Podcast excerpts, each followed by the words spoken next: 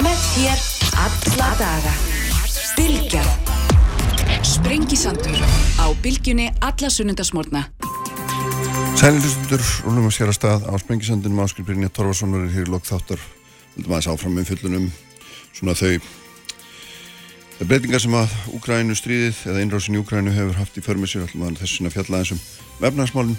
Uh, þau verða hérna Sima Guðmundsson, Hildur Sverrisdóttur og Helga Vala Helgadóttur tökum aðeins yfirferðum pólitíkina svona upp úr, upp úr elli og Svandi Svagastóttir, matalur á þeirra verður hér fjöllum þá um sjárútvegin, fiskaldið uh, en þeir eru sestir hérna hjá mig Davíð Hólarsson sem er frangatistjóri betri samgangna og Bergþór Ólarsson, alþingismæður, sælur og blessaði báðið til, velkomnir. Takk fyrir það. Takk. Við ætlum aðeins að fjalla um samgangusáttmálan og, og borgarlínu og skildefni Það er nú eins og þannig Davíð að þú hérna fer fyrir þessu verkefni sem hefur nú svona daldið fengið á bögin núna undanhörnu og engum og sérlegi það maður getur ekki annað glott út í annað því að það er nú engum og sérlegi þín reygin flóksmenn sem eru að, hérna, að nippi í því bæjastjórar hérna í nákvæmlega sveitafélagunum borgarfjöldfröður Reykjavík og nú er þetta komið inn á þing líka formar að Vilhelm Ráðnarsson er þar búin að taka þar málið til já líka eh, bæði alþingismenn sjálfstæðarflóksins hérna, og krefjast þessa, þessi sangungu sáttmáli verið endur skoðaður, kostnaðar sem komið langt fram úr öllum áallunum þess að menn hafi nú einu sinni farið að stað uh, Hvað segir við þess allir? Já, þetta er bara gott að taka þessa umræði mm. og hérna ég svona kannski fóra eins yfir sviðið á grein á vísi.is í sístu viku þar sem ég tók þetta saman því að sjálfsagt að taka umræðina en hún verður þá að byggjast á svona réttum, réttum fórsendum eh, en svona þær tölur sem hafa verið að flakka er þetta ekki, ekki alveg réttar. Og það er heldur ekki rétt að tala um að eitthvað sem farir fram úr áallun þegar það er ekki byrjað eins og það er bara að vera endur sko áallanir, mm -hmm. það er alltaf hægt að, að, að staldra við og, og breyta, það er hægt að fækka verkefnum, það er hægt að minka umfangverkefna, þannig að er, þetta er ekki farið fram úr fyrir að búið að, að eða penningunum, en staðar er nokkur með þannig að það er mælt, þetta er aðalega verið að fjárfesta sakat sangursatmálunum í stoppugum, það eru 11 stoppugaverkefni, það er að veru þrjúðara búin og undirbúningu gengur, gengur vel af hinnum, mætti gertnan ganga hraðar en það er auðvitað þannig að það verður að gera hlutina í rétti röðu, byrjum ekki á því að framkama og svo förum við að hanna og svo í skipilagsverðlið og svo í mat- og umhverfsáhrifum þar sem það þarf, það þarf að gerast í rétti röð og það var auðvitað eins og það vit, öll vita sem að hérna, búum hér á höfborgarsæðinu að það var eh, stopp í um áratug, algjörð stopp á framkvæmdum. Þannig að þegar að sáttmálinn gerður þá, þá er það, þá er, kemur loksins þýðaði það frost og þá þarf að fara að dusta ríkið á gömlum hugmyndum og gömlum áallunum og það er kannski það sem að sérst er að, að þessar uh, áallanir sem að samgóðsáttunum byggði á voru, voru það gamlar og úreldar að, að tölunar og tímasætningar voru ekki, ekki nægilega góðar. Mm -hmm. þannig að ja, sáttmálum var mjög bjarsýn eins, eins og innviðar á þeirra hefur, hefur nefnt og fleiri, ég held að það séu öll sammála um það, þannig að það er staðan, svo er það næstæsti þátturinn er borgarlínan, það eru sex lótur Þar er undirbúningur í fullum gangi búið að fjárfesta fyrir um 2,5 miljard í hönnun og öðrum undirbúningi. Vonandi geta framkvæmtir hafist þar á þessu ári. Uh, svo er, er fleira hjólagöngustíðar að búið að leggja 13,1 km af hjólagöngustíðum, uh, búið að gera tvenn undirgöng, eitt við litlu hlýð, annað við sprengisand, ekki hérna út af stattinn heldur, heldur hérna við Reykjanesfröytina og í fullu gangi framkvæmtir á Arnænisæði núna við undirgöng Svo er það það sem við kallum öryggjum flæði sem eru ymsar minnifrangandir og líka ljósastýring og það er búið að fjárhasta fyrir, fyrir rúman miljard.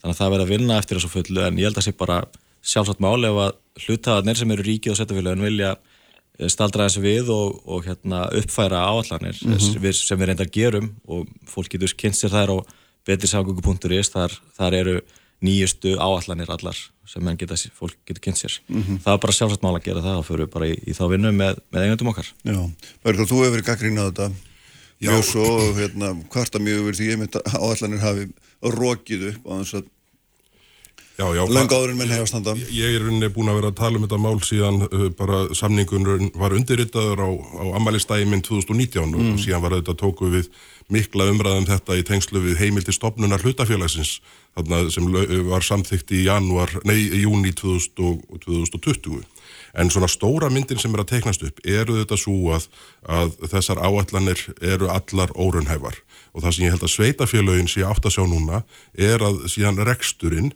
en er ekki, liggur ekki fyrir ekstra ráðullun verkefnisins, það eru í, í félagsakfræði greiningunni er skotið á að viðbótarkostnaði verið 2 miljardar á ári sem lenda þá sveitafélagunum það, þessi, þessi mynd sem er að teknast upp núna ég held að sveitafjölugin séu bara á þeim stað að segja, heyrðu, í fyrsta lagi þá eru allir kostnaður að fara algjörlúl böndunum, uh, bara við horfum að eitt verkefni, sæbröytarstokkin ég uh, rifjaði nú bara upp framsúðuræðu fjármálar á þeirra við stopnum félagsins þar er engir fyrirvarum það að það sé einhver gömul tala sko, sem, að, sé ekki, sé, tengist ekki sæbröytarstoknum þó að það þetta blasi við en, en þarna er þetta eina verkefni sem fer úr uppalega 2,7 miljardum í áætlun í núna uh, 17,7 24,8 með uh, áhættu frávikinu. Þetta þurkar út allan ábatan sem mönnum tókst að rekna sér í í, hérna, uh, í félagshagfræði útættinni. Mm -hmm. Þannig að bara þetta eina verkefni, við höfum eftir að fara í gegnum gríðala flókin verkefni eins og stokkurinn á miklubrautverður þar sem ég held að mönnum raunverulega ói við þeim áhrifum sem verða á nærsvæðin á framkvæmdatímanum og allt umferðaflæði í borginni. Og þetta er einhvern veginn svona rennu upp fyrir fólki núna og ég er bara mjög ánaður að þessi umræða sé komin á þennan stað að það sé orðin svona almenn sátt um það að það verða setja, setjast yfir, yfir heildar myndina. Mm -hmm. Ég er bara mjög ánað með hvernig við gengið með gungu og hjólastígana Ég hef verið mjög svektur að fylgjast með því hversu við gengið hvað ljósastýringarnar varðar en stóru vandamálina mínum að til liggja annars vegar í stoppröytafrangvendunum og hins vegar í, í borgarlínu hlutanum og, og það er til dæmis ef við horfum bara á að því við setjum nú hérna á, við Söglandsbröytina þegar uh, verkefni verður orðið innletta fullu þá hér, verður hér eina agrein í hvora átt eða framheldur sem horfir. En á meðan sko gert þið ráð fyrir því að umferð aukutækja mingi í raun ekki neitt. 0,7% er gert ráð fyrir í félagsæfræðgreiningunni úr einhvern 1205.000 ferðum á dag í, í 1196.000 ferður á dag í mannrétt mm -hmm. sem er bara bitamunur en ekki fjár. Og þetta er einhvern veginn, ég, ég bara loksins mm -hmm. er þessi stóra mynd að teiknast upp og þá held ég að við séum... En hvað finnst þér að ég gera þá núna? Núna held ég að menn þurfa bara hérna í raunni setast saman ríki og sveitafélagin og segja, heyrðu, við fórum hérna stað með einhverju hugmyndafræði og eitthvað verkefni sem að blasir við núna að er ekki að gangu upp. Við þurfum að finna aðra leið til að bæta almenningssamgöngur því að ég held að það sé vilja allra mm -hmm. að bæta almenningssamgöngur.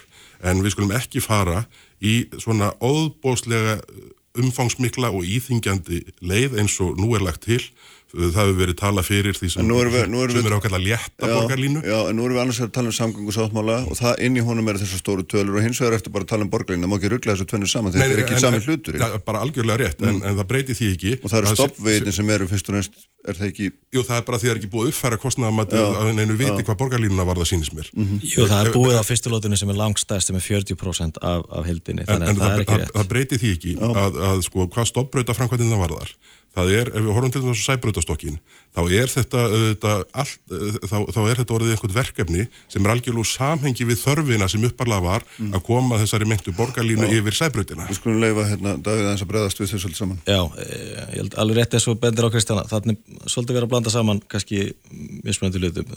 Var þetta reksturinn þá, stundum að tala um rekstur borgarlínunar. Mm það, það likur fyrir mat á því, það er ekki okkar ábyrg hjá betur sangungum að, að, að reyka þetta, við hefum bara búið til innviðina, það eru sveitafélögin og vantalega með stuðningi ríkisins sem að munur reyka þetta eins og þau reyka almenn sangungur í, í dag.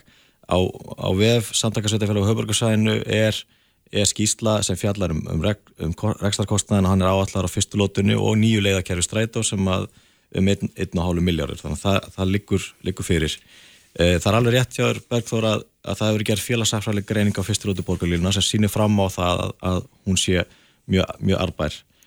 E, það, það er sama hefur gert fyrir til dæmis já, sundabrautina sem er reyndar ekki, ekki hjá okkur, verður vonandi enga framkvæmt e, og, og það má ekki gleyma því að sko sæbröðastokkurinn er forsenda þess að sé að þetta fara í sundabröðina við sjáum ekki fara hvernig, hvernig, ég, hvernig ætlar, sko, þú getur verið með frábæra sundabröð en svo bara situr hún först sko öðru megin hérna, öll umferðin ef það er ekki, er ekki góð tenging við sæbröðina og við aðra þætti. Þannig að það er mikilvægt ég sé ekki fram á það hvernig maður geta gert það öðru þetta fer frá 2 miljónum upp í 17 og ég held að hljóttun og allar ekki róast anstæðið sjá þann Já, sko, það, þetta er bara ekki sama framkvæmdin. Er búið að breyta semst alveg hugmyndinni stækkana, hva, hvað það var, það var hérna voru til áallanir, gamlar áallanir fyrir, fyrir framkvæmda stoppið um mislagatnamót síðan er ákveðið sáttmálanum að gera að það þurfi að það sé það mikil umferð að það þurfi að gera stokk og þá En, en hins verður vegar ekki tvær akreinar í báðar áttir eftir sem áður? jú, það í hverju fælst þá aukna umferðaflæðið þarna? Eh, þ- það, það felst í því það þarf að koma fyrir hjólagöngustígum og borgarlínni það þarf líka að huga því þetta ekki, snýst ekki bara um umferðin þetta snýst líka um borgarbræin um, um hverfið sem er þarna að það sé ekki, sérst ekki með að þú getur sett hraðbrutina sem þarna er og verður áfram ofan í jörðina. Þannig að sé þá til dæmis hægt að byggja ofan á og hliðin á, þannig að þú fáir þarna eftir á miklu betra, betra hverfi. En það var ákveð í sáttmálunum að, að breyta þessu stokk en það lág hins vegar ekki fyrir fyrir nein, neinar áallar en það hvað hann myndi kosta sem að kemur síðan, síðan eftir á. Og þess vegna er, er það, þannig ég myndi ekki segja að það framkvæmdan hefur farið úr tveimur í 17 heldur bara er þetta allt önnur framkvæmt en Já, þetta, hefur gjör, fyrir gjör ólík framkvæmt sem að liggja já, baka þessum tveimur þetta tölum. hefur, hefur alveg legið fyrir, fyrir frá upphafi að þetta er því svona. En, en síðan verður eiginlega svo til að setja í samhengi sko stoppröta framkvæmdirnar sem að, sem að höfðu verið í frosti frá því furðu samningur um, um framkvæmdarstopp á höfðborgarsvæðinu að gerður 2011 og 2012 þá eru þetta af þessum 11, stopp, 11 stopprötaverkefnum og þessi þrjú sem eru búin þau voru öll í ferli, þau eru ekki tilkomin vegna, vegna samgöngusáttmálans. Ég rifjaði nú bara upp hérna kynninguna frá því að þetta var undirritað á sín tíma. Og þar er uh, Vesturlandsvegurinn, Reykjanesbrut og Suðurlandsvegur, þessi þrjú verkefni sem eru búin, þar er bara sérstaklega tilgreint að þau, þau, þau sé ekki flýtt vegna þessara, þessa sangumulags. Þannig að það hefur tekist, það hefur ekki margt gerst hvað stoppbrautirnar varðar og hérna, og, og, og ég held að sko það blasi svo við mikilvægi þess að komast áfram með þau verkefni og þar hefur sínist með Reykjavíkuborg verið að bísna tregi í taumi hvað varðar til að mynda skipulagsmál. Við sjáum til dæmis að það hefur verið að hverfa frá hugmyndum um mislega gatnamót uh, á tilteknum, uh, í tilteknum verkefnum og fara í ljósastýrð og þess áttar. Þannig að mér finnst stofbrauta framkvæmdina því miður ekki hafa gengið í neinum svona viðlíka takti við það sem, það sem maður hafið haft vendingar um. Það, það er vegna þess eins og ég nefndi upphafi, jú, það, það er framkvæmdi sem voru þegar á borðinu, hafði þetta gengið, hérna, sem var þegar byrjað undirbúa, hafði þetta gengið eh, hratt og vel. Bara sinn gang? Já, sinn, ga, sinn gang, en það, það er óhjákvæmulegt aðra framkvæmdir að það er, það er ekki þó að það sé ekki búið að stinga nefnir skoblu, þá er samt búið að gera heilmikið. Það er búið að fjárfesta fyrir á sjötta miljard í stópaða framkvæmdum á þessu tíanbili Uh, Arnanesvegurinn, það sem hefur verið að tengja saman efri byggðir Kópavóks og Breiðholtið og tengingu byrjaldsbreytina uh, það er tilbúið og verður vantilega búið út uh, verklega framkvæmdi þar á, á næstu vikum.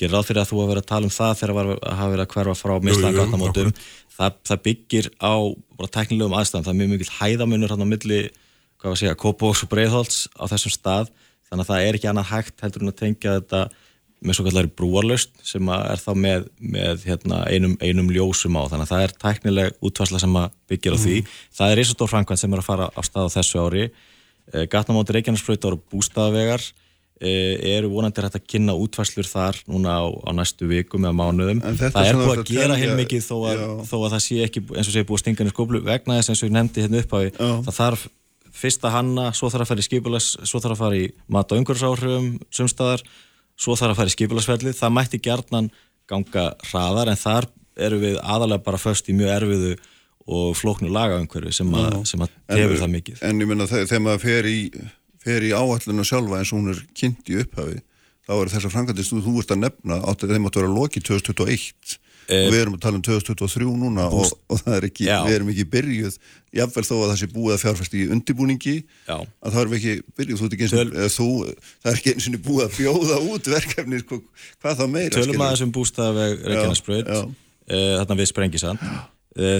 Þar einmitt er gert ráð fyrir því að það er klárast á tveimur ára svo kallt sáttmálunum það lág fyrir, það líkur fyrir að það voru ekki konan einar útfæslur annars vegar eru við með náttúruna í hérna Ellegárdalum öðrum meginn alveg fyrir veginn. Hinnum meginn eru við með íbúabegð alveg fyrir veginn.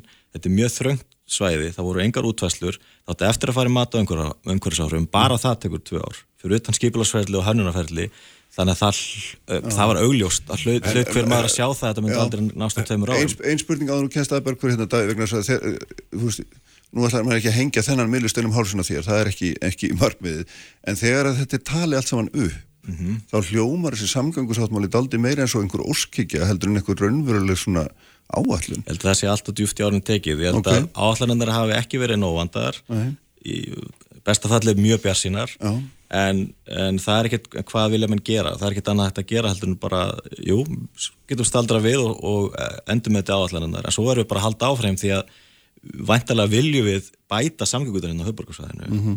eða ætlum við bara að hætta, hætta þessu af því að við vorum með ekki nóg góður áallanir upp ég held bara sjálfsagt mála staldra við mm -hmm. endum þetta stöðuna en við verum að halda áfram og við erum að halda áfram meðan þó að það verði farið í eitthvað endum að núna þá munum við þetta Eh, erum við með skýrt mandatu það frá eigandum okkar að halda áfram að vinna þessum verkefni sem okkur hefur verið farið að gera mm -hmm. en Þetta er einmitt góð spurning sem er hvað eigum við að gera, þú veist, eigum við einmitt á bara hérna, leggjum löpun að hætta því að allunar hafi staðist eða hvað hva finnst þér? Síður en þó, svo, það er nú einmitt hérna, ég gaggarindi þennan þetta framkvæmda stopps samkúmulag mm -hmm. lengi vel og, og, hérna, og gerir það enn Davíð er auðvitað vorkun að, að sita í þá sínum stóli og með þessar einmitt svona uh, veiklulegu áallanir uh, fyrir fram að sig og, og það svona blasir við núna að, að nokkru marki var þingið platað uh, hvað ákveðna þætti málsins varðar.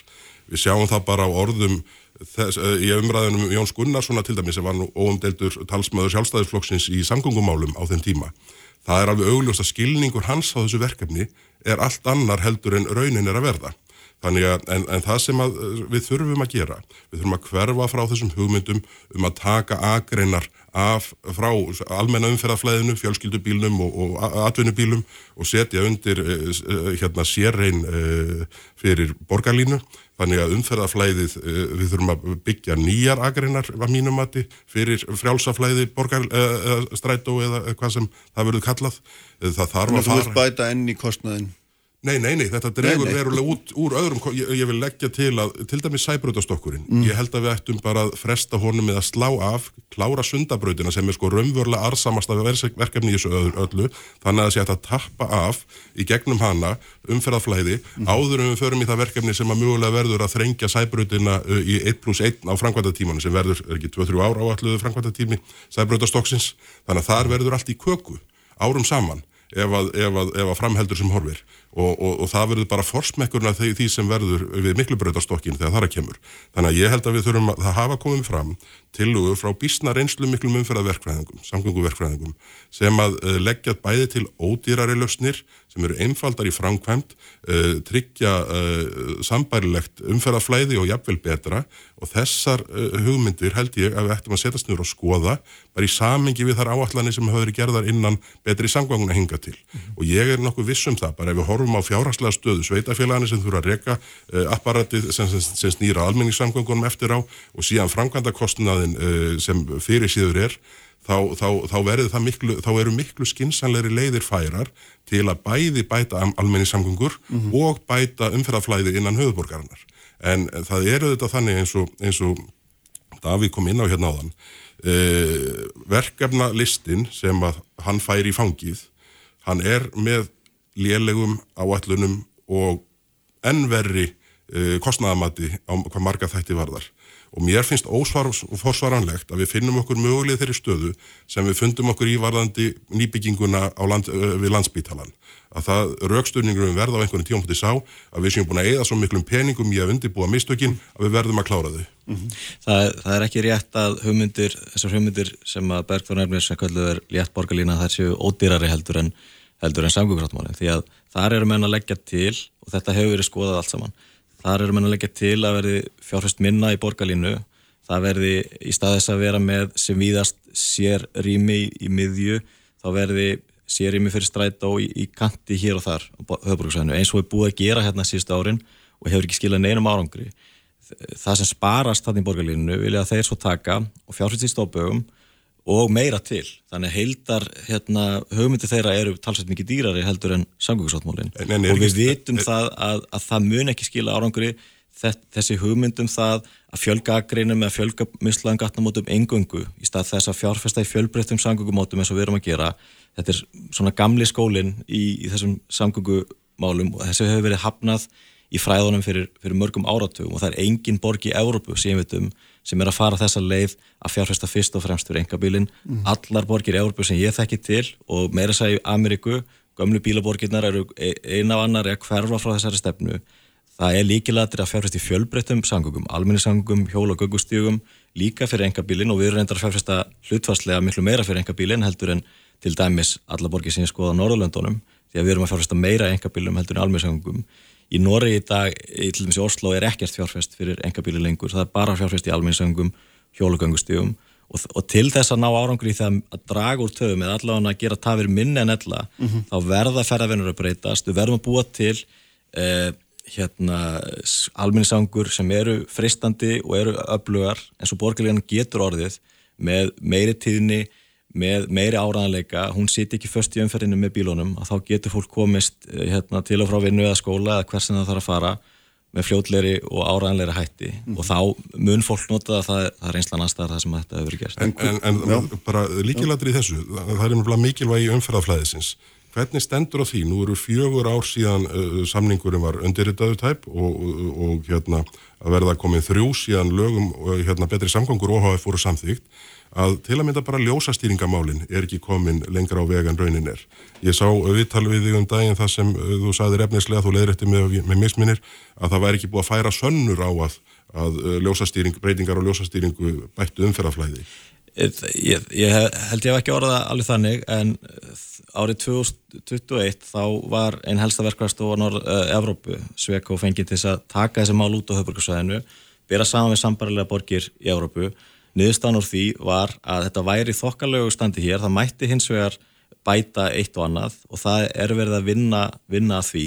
Eh, það hefur verið fjárfæst þetta er í það sem að kallaði sáttmálanum hérna, öryggi og flæði.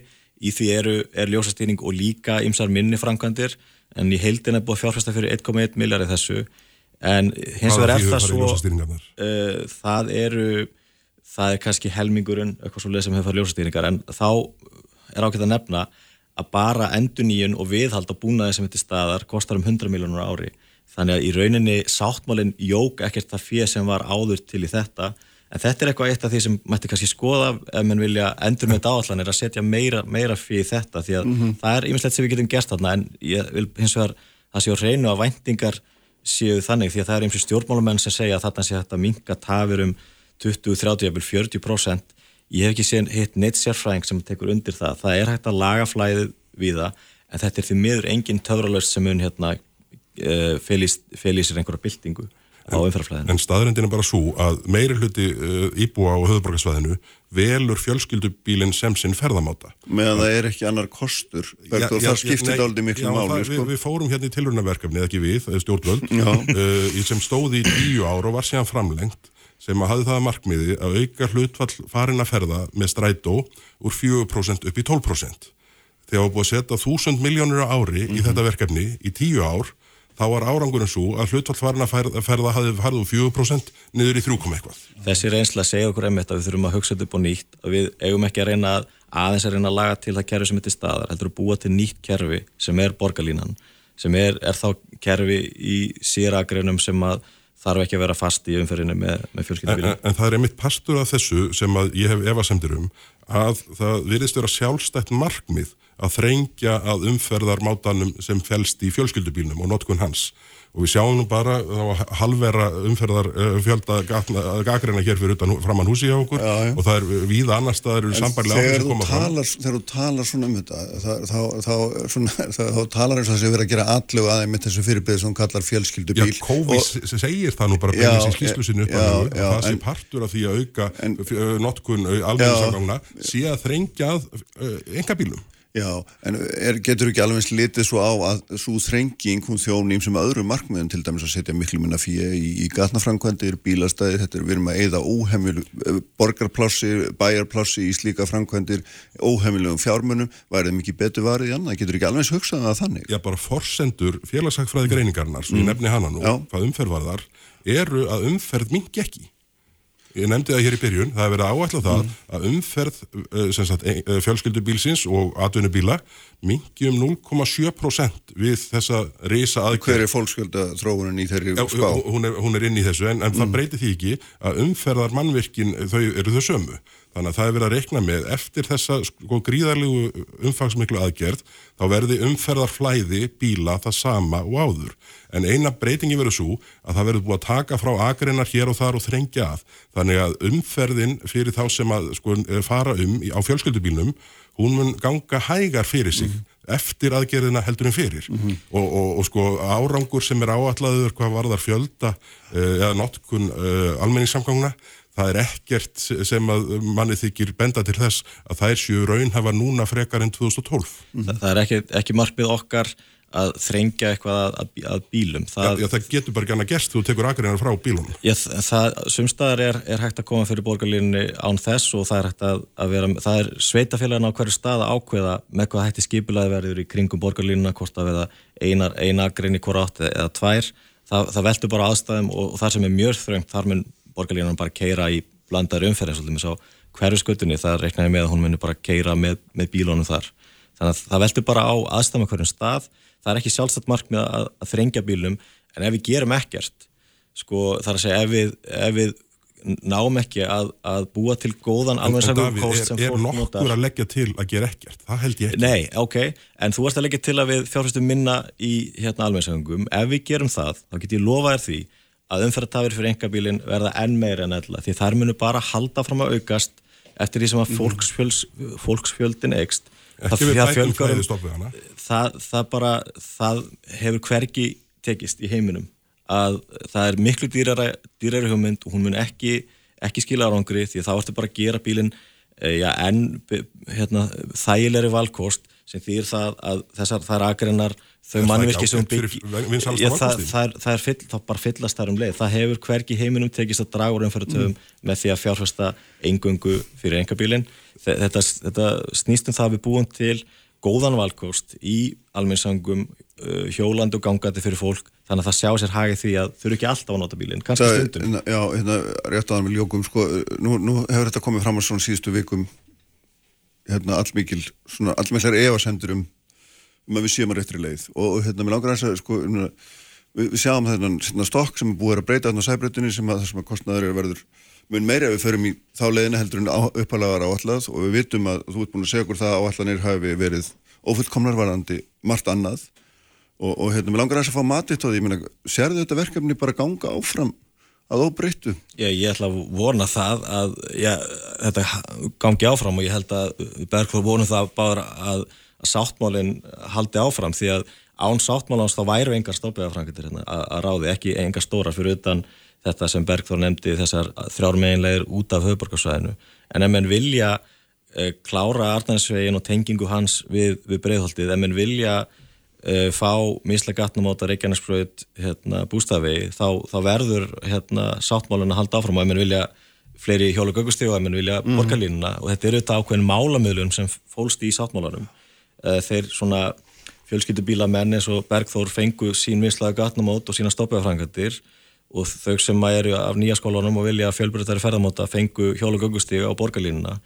Og það verður svo þessi... En hvað með þessa andstöð sem eru augljóslega í nágrannsveitafélagum borgarinnar hjá bæjarstjónum sem hefur komið bara glögglega fram, ég meina, mun hún tefja þetta að breyta þessu? Mm, ég, bara, það er bara þar að taka þá umræðu en, en að vísu er það svo að uh, sko, hérna fyrst alveg borgarlínunar mun tengja saman já, fer frá höfða og nýri bæ og úr bænum og yfir fósfarsbúna og í Kópavóg þannig að verða að tengja fyrst og fremst í, í Reykjavík og Kópavói þar sem umferðin er, er mest.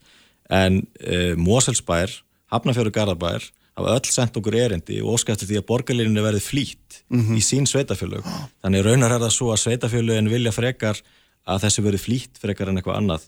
Þannig að ég hef ekki fundið fyrir anstöðu gagvart uh, hugmyndinni hins vegar hef fundið fyrir því að fólk vil staldra við vegna þess að, að áallanir uppalega hafa ekki verið nógu góðar og þá bara endumöndu við áallanir, mm. það er bara sjálfsagt mál en höldur svo áfram því annars bara er ég ansið hrættur um að eða ekki hrættur um, annars er augljóst að umferðavandin mun bara halda fram að vaksa ár frá ári. Það er mjög áhugavert sem kom fram hér hjá Dali rétt í þessu að borgarlínan er í raun eins konar lausnargjald sem að stjórnvöld borga fyrir það að fá að komast áfram með stoppvöðaframkvæmdir. Þetta er auðvitað algjörlega ótrúlega staða að það bara sé afstafa manna að ef að ekki hefði verið sko borga þetta lausnagjald í formi borgarlínunar þá hefði menn ekki komist áfram með neina stoppvöðaframkvæmdir nema þessar þrjár þarna sem voru komnar í gang mm. en annað hefði verið stoppað og þetta er auðvitað kannski aldrei andrúmið sem að þetta mál er allt saman í og þetta er ekki svona, þetta er ekki, hérna, það er ekki góð ára yfir þessari nálgun mm. og ég veit að þetta er ekki sko sérstaklega afstafa uh, Davís, heldur að þetta búið að skýna í gegn allan tíman að uh, stjórnvöld voru þvinguð í það að borga þetta kostningarlofur dagsbjeggersona sem hefur verið lagt fram tvís og þrísvar til þess að fá að komast áfram í stofvega framkvæmtir. Jómandi, herði, takk ykkur báðum fyrir að koma og hérna, Takk fyrir okkur. ég held að síðast orðið þessu hann var ekki verið sagt. Það er nokkuð ljóst, herði, Svandi Sáastóttir hérna hjá mér eftir auðvitað blík Frettir þjóðmál og pólitík. Sprengisandur á bylgjunni. Sprengisandur á bylgjunni. Sæli eftir hlustundur Berg Þórlásson og um, farir farnir frá mér Áskil Brynjar Þórlásson verður hérna Sigmar Guðmundsson Helga Vala Helgadóttir, Hildur Sveristóttir líka hérna á eftir. Sestir hjá mér Sandi Sáastóttir, matvarar á þeirra Særa Blessun. Velkomin. Sælverstu, góðan daginn. uh, Tvent eiginlega, kannski eiginlega eitt og sama máli, það er minnst þú þetta skilt það er, hérna, það er fiskur í ymsum tegundum og hérna þú veist Bleikur og hvítur. Já, einmitt nákvæmlega. Og það er hérna, þú er náttúrulega með mikla vinnu í gangi við höfum svona rætta með áður uh, þessar mikla nefndaskipan í kringum sjáratvegin og svo er Boston Consulting búin að skila mikill greinagerð um framtíð fiskeldis eða þá möguleika sem við eigum þar og hérna og þetta er nú mjög, hefur verið umdeild grein núna undanförnum árum afar umdeild bæði og náttúrulega svona eða aðalega náttúrulega út af því. Uh, segð mér aðeins hvað þið finnst um þessa skýslu er hún svona sá leiðarvísir sem að þú hafðir vonast eftir að fá? Já, hún er það sko, hún er verulega ítaleg, þetta er alveg, alveg svona þunga Þetta er trölllegin skýsla, já, það er sannlega sagt. og, og það er, og hún í raun og veru kemur þarna svona samhliða eða beint í kjölfarið á ítalegri skýslu ríkisendurskoðunar sem að sem að um, snerist fyrst og fremst um það að rýna alltaf ítalega uh, regluverkið og, og, og, og svona framkvæmdina á lögunum og eftirlitinu og svo framvegis og, og uh, fól í sér mjög alvarlegar og margar ábendingar. Mm.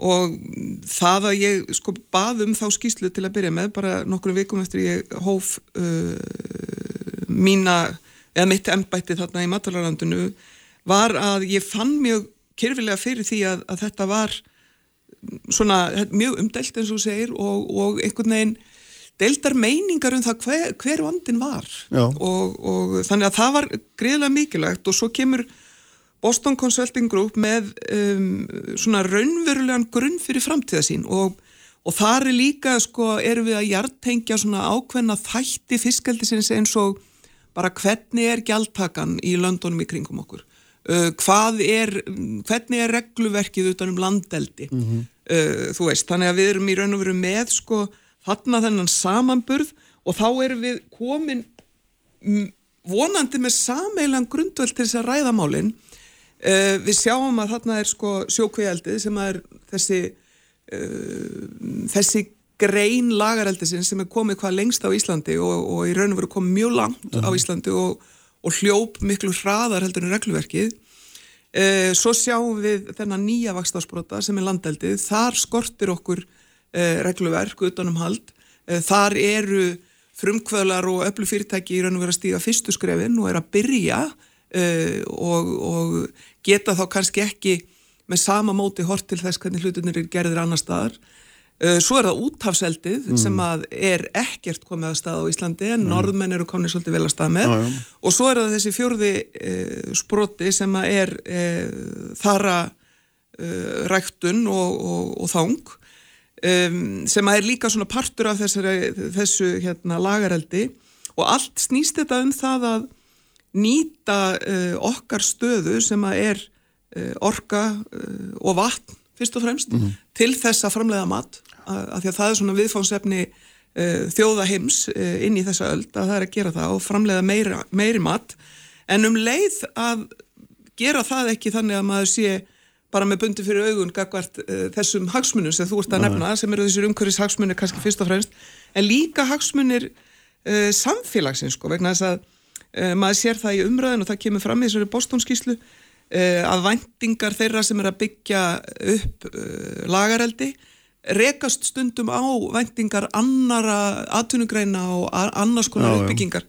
Þannig að þetta er allt kortlagt mjög ítarlega í þessari skíslu mm -hmm Ég mæli með henni, um, sko ég er nú ekkit sérstakur áhuga maður um það að vera alltaf að lesa skýslur en, en það er svona partur um minni vinnu Já. en það eru flottar myndir í þessari skýslu það sem er, er borið saman uh, mismunandi kerfi og mismunandi uh, kringustæður uh, eftir löndum þannig að það er, hún er verulega gagleg. Það sem er svona megin niður staðan í þessu eftir því sem að mér sýnist og ég ætla ekki að reyna að ljúa því að ég hef lesið þarna hvert einasta orð en reyndi eitthvað að rafla mig gegnum þetta og er auðvitað það að sjókvíaeldið er undirstaðan og verður um fyrir sjánlega framtíð.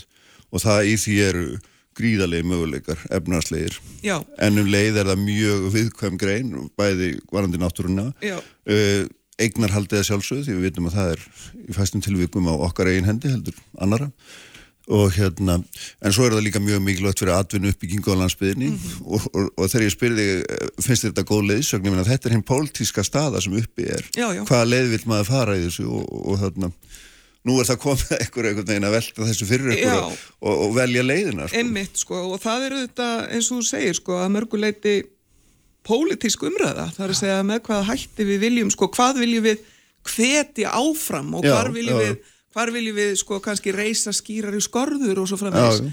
Eh, en það sem er gott við skýsluna og þessa leðsögn er að þarna eru þessi umhverfisjóna með dregin fram sem svona grundvöllur þess að þetta geti vaksið Mhm. uh, við í raun og veru getum ekki sagt já, umhverfisjónamenn er eitthvað sem við ætlum að horfa til þegar við erum búin að hugsa um efnarslegu þættina og búin að hugsa um atvinnu uh, út um land og svo framvegis heldur verðum við að gera það frá, frá degi eitt og þá, þá í raun og veru sko þurfum við að horfa til sko bæði mögulegar, mögulegar erðamengunar en líka bara mengunar vandræða almennt, já, já. áhrifa á önnur vistkerfi og svo framvegis.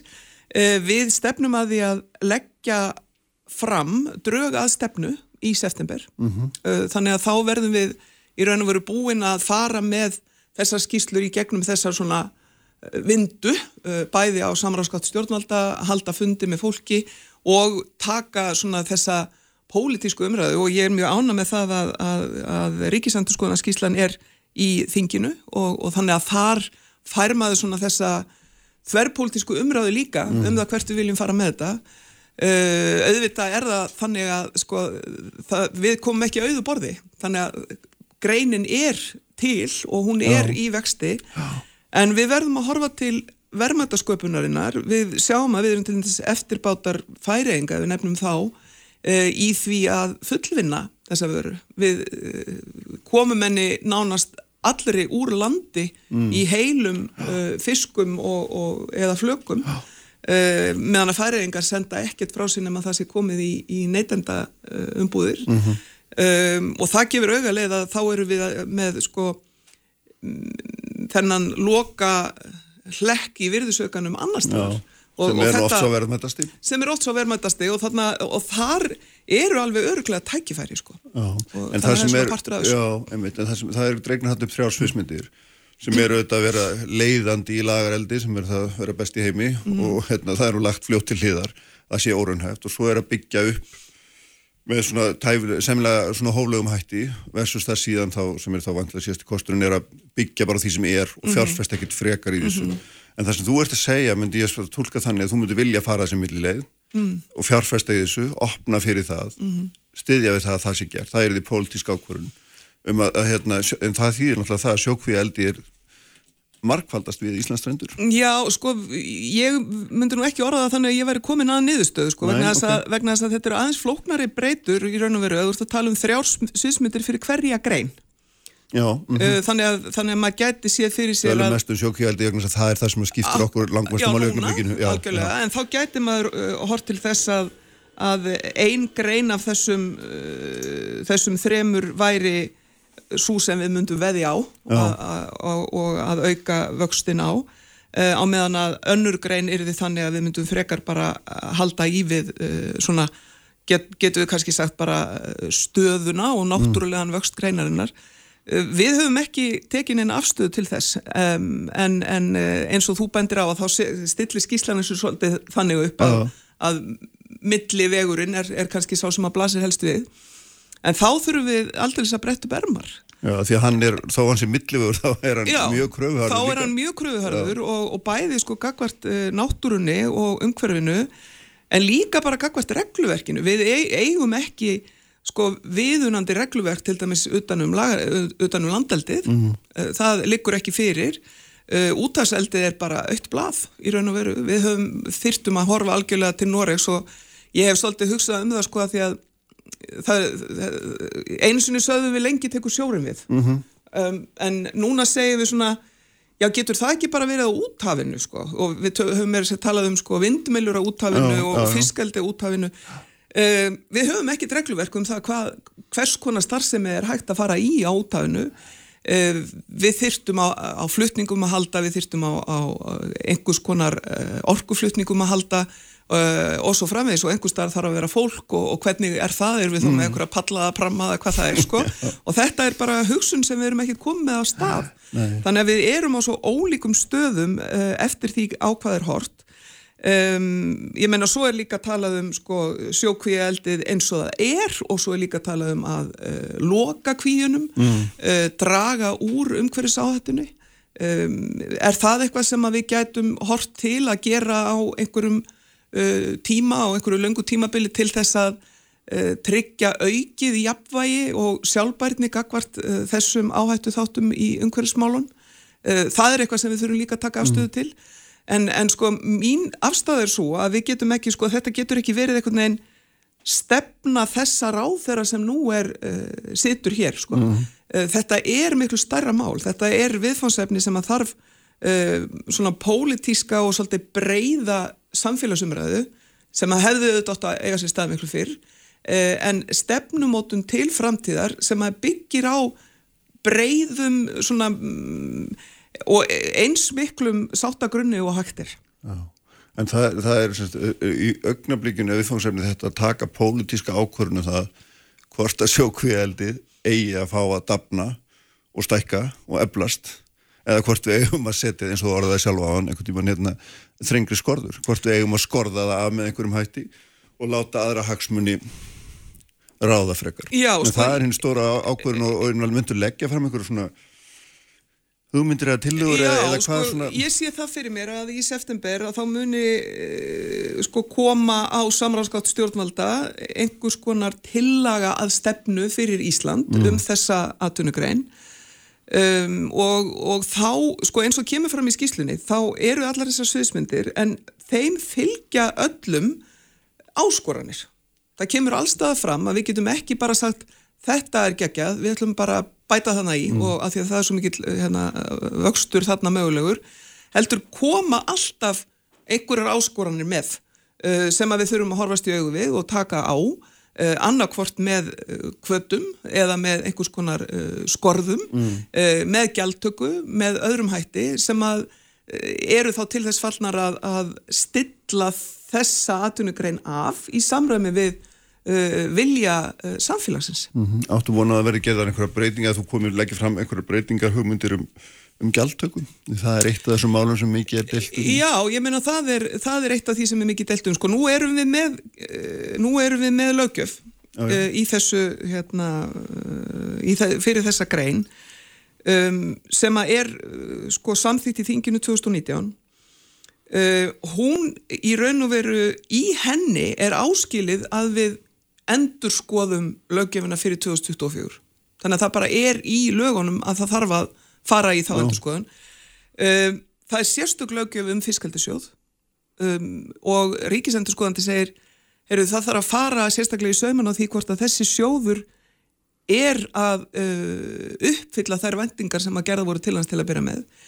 Uh, sveitarfélög sem að hafa uh, fengið útlutað úr fiskaldisjóði eru nánast einróma um það að þetta sé ekki gott fyrirkomlag mm ég hef hins vegar ekki um, heyrt nákvæmlega hvernig fyrirkomlega þetta þá að vera.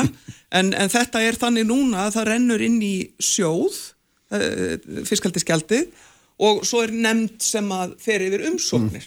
Og, og þetta eru umsóknir um bara klassist komissara kerfi eins og var hér. Já, ég menna og, og þessar umsóknir snúast kannski bara um að bæta við einni deild á leikskólan eða, eða, eða, eða steipa kanta á gangstétt eða gera bara það sem að sveitafélag þurfa að gera og horfast í augu við. Þetta þykir þeim ekki gott og, og, og sem að manni finnst að mörguleiti skiljanlegt og eðlilegt. En þá spyr maður uh, á þetta þá að renna með beinum hætti til mm og hvernig á það þá að vera? Er það þá í samræmi við bara framleitt tonn eða, eða lífmassa eða, eða hvað er það? Og, og hver er þá munurinn á uh, þessum fyrði og hinum? Hvaða sveitarfélag á þennan fjörð? Já. Sem að geta verið mörg sveitarfélag sem að liggja þar að? Eða er það sveitarfélagi þar sem að fiskurinn kemur upp? Uh, eða þar sem að honum er slátrað eða þar sem að honum er pakkað eða, eða hvar sko. og þetta er raun og veru algjörlega ó, uh, óleist en þetta þarf að fara í. Uh, ég hins vegar mun leggja til núna í tengslum við fjármálaáallun uh, að hækka fiskaldískjaldið um, um uh, e einhverjar upphæði sem ætti að nema kannski 400 miljónum áskonundvelli um, vegna þess að ég tel að það séu fórsöndur til þess að gera það. Inn í þá fjármála áallun vegna þess að við höfum þar svona ákveðnar áskoranir sem að snúast um Mhm. sem það tækið af gildi 2024 Já, sem tæki gildi 2024 og, og, og ég meina það, það er bara svona meðal þess sem að formenn flokkana sem að skipa ríkis fjármála ráðhæranemdina mm.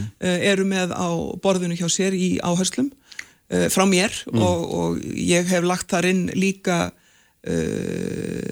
aukna áherslu á eftirlit í fiskaldi uh, þar erum við ekki að gera nóg og vel uh, og raunar líka kortrakt og háransóknir sem ég geti rætt hérna í lungumáli Við hérna, rétt ánum ferð uh, Mér langar aðeins að tala hérna um stóra hóp sem að þú skipaður um í hérna til þess að til þess að sætta anstað sjónum í sjárótsmálum og hérna, það er sem er ansi stórst og guðavugt hérna verkefni held ég verið með sín og að fullir og margir reynd en fáum og engum tekist hérna og, og við erum, þið eru hálnuð það er búið að skila bráðbræðnistöðum og það er, er hálfleikur eins og þið kallið það og, og svona bara örstuðt um það, ég meina ertu sátt við það, hvernig það lítur út? Uh, Marta þessu er ansi svona þú ert nú sköruleg stjórnmálkona og hérna er lítið fyrir hálkák en hann er ansi mikil móðsöða í mörgum málaflokkum. Já, sko, ég veit það nú ekki. Það, það kannski myndur kalla það uh, þeim orðum, sko, þe- þegar um er að ræða það sem að er svona almenn sátt og samstæðum það er að auka mentun, uh, bæta uh, umhverju sjóna með ímislitt sem að er, sem að er sett þarna fram sem tillögur sem að sannarlega hafa, hefur samt ekki verið tekið utanum með svona markvæsum hætti. En svo fara nú að æsast leikar og maður sér þarna tillögur sem eru um uh, það sem að stundum er kallað uh, litla kerfið eða, eða svona þessar Já, já. ráðstafanir uh, hérna strandveiðar Já, og línu ívilun og það allt saman. En, en svo er líka þarna fjalla bara um uh, skipulagið í heild uh, gjaldtöku af kerfinu og svo framvegis og við erum alveg á áallun og ég er hérna mjög uh, áfram um það að þetta standist, þetta plan sem við vorum að setja okkur og við höfum verið á áallun uh, hinga til og þannig að núna er komið að því að við erum að ræða þessa tilhör. Við erum búin að halda tvo fundi í stóru samráðsnefndinni þar sem eru fulltrúa frá flokkonum og öllum mögulegum hagsmunnaðilum. Fyrsti fundurum var um umhverfi og þá sögðu margir, heyrðu, til hvers erum við hér? Ég menna það er allir sammála um þetta og jú, jú, allt í lagi en við erum samt, uh, þurfum að segja, heyrðu, við þurfum að setja meira fjármagn í uh, hafrannsóknir, ekki bara út af nýtjastofnum, heldur líka bara út af vistkerfum hafsins uh, sem að eru algjör grundvöllur undir uh, stóran og mikilvægan hluta af okkar efnahagslífi. Svo var fundur nummið tvö, hann var í síðustu viku, sem að var um efnahagsliðina og þá fóru að æsast leikar og, en fólk uh, hlustaði hvert á annað og fór svona dýbra í þessa umræðu heldur ég hef áður séð og þetta var alveg gríðarlega gaglegu fundur í, í raun vegna þess að fólk var tilbúið að, að hlusta, skiptast á skoðunum og, og í raun og veru svona e, dýfka umræðuna, ekki að því við kunnum alltaf þessa frasa, við kunnum hérna e, e, í raun og veru þessa svona skurði sem við gröfum okkur ofan í. Eh, en þriði fundurum verður svo um samfélagið og, og þá, þá erum við komin ennþá nær því að, að ætla að ræða mm, samfélagslutan þar sem að sáttin ætti að liggja. Ég gerir mér engar grillur um það að það verði einhver niðurstaða sem allir verða rosalega ánæður það er náttúrulega bara uh, draumórar sko. Uh, en, en það að við þrælum okkur í gegnum þessa umræðu Já. og komum stað niðurstöðu sem að verður til þess fallin að auka sáttina það er ekki bara mikilvægt fyrir samfélagið og, og okkur uh, hér á höfuborgarsvæðinu eða í þéttbýlum svæðum heldur líka út um land og ekki síst fyrir greinina sjálfa. Það er ekki gott fyrir svona leikil atvinnugrein að vera mjög umdilt. Það er betra fyrir hana að vera á þeim stað að hún sé samferða samfélaginu eins og hægt er. Þannig eru líka feikilega þungu erfið hugtök eins og sangirni. Það er orð sem er Já, mikið notað, hver er sangjör, dreifing, Já, já, og, og ég, ég segi það sko að þú varst nú að tala með einhverju öðru skörlugur hér sko. Uh, mér finnst að, að pólitíkin eigi að, að ræða gildi. Mm. en ekki bara praktísk úrlausnarefni. En ég er verið að segja með þeim orðum að því að vera tala um hugtaki sangirni að það sé inn í farin ósangirni sem þurfa að leiðrétta, finnst þér að vera þannig? Já, sko, það er að minnsta kostið þannig og ég hef sagt það uh, ofta áður að það er mjög djúbstæð tilfinning í samfélaginu uh, sem snýst um það að þetta kerfi sé óréttlátt. Síðan getum við sagt uh, hvernig er það, hvað er svona óréttlátt og svo frá þess, en er, þetta er svona rétt eins og er með bara væntingar í, í hagstjórn. Sko það sem er óáþreifanlegt eru samt raunverulegi kraftar sem að skipta máli. Þannig að, þannig að þetta er ekki allt saman bara reiknistæmi, heldur líka bara það hver umræðan er og, og ég vil með þessu verkefni, að með þessu stóra og, og mjög gagsæja verkefni, freista þess að aðferðin sjálf hjálpi til við það uh, að ná breyðari samstöðu, fela ekki neitt, vera með allt upp á borðinu, hafa allt mjög gags, gagsætt, vera með opna fundi út um allt land og svo framvegs, vegna þess að, að þetta mál verður ekki leist með því að loka tvo eða þrjá lögfræðinga inn í einhverju ráðuniti og byggja á um að skrifa frumvarp. Ég meina við höfum oft gert það og það er oft sniðut en, en ekki í þessu máli. Þannig að niðurstaðan verður svo að við förum öll að skilja hvernig veiðgjaldur er reiknaður. Ég veit það ekki, uh, ég er ekkit endilega viss um það, en, en ef að við komumst hænufetti nær því að, að finnast kerfið uh, réttlátt og sangjant, að þá uh, var til einhvers farið að stað. Já, Ljómandi, Svandís, innilega þakki fyrir komuna. Takk. Þau eru hérna hjá mér Hildur Sveristóttir, Helga Vala Helgadóttir og Simon Guðmundsson eftir augnablik. Sprengisandur á bylgjunni alla sunnundasmórn Sprengisandur alla sunnudaga á bylgjunni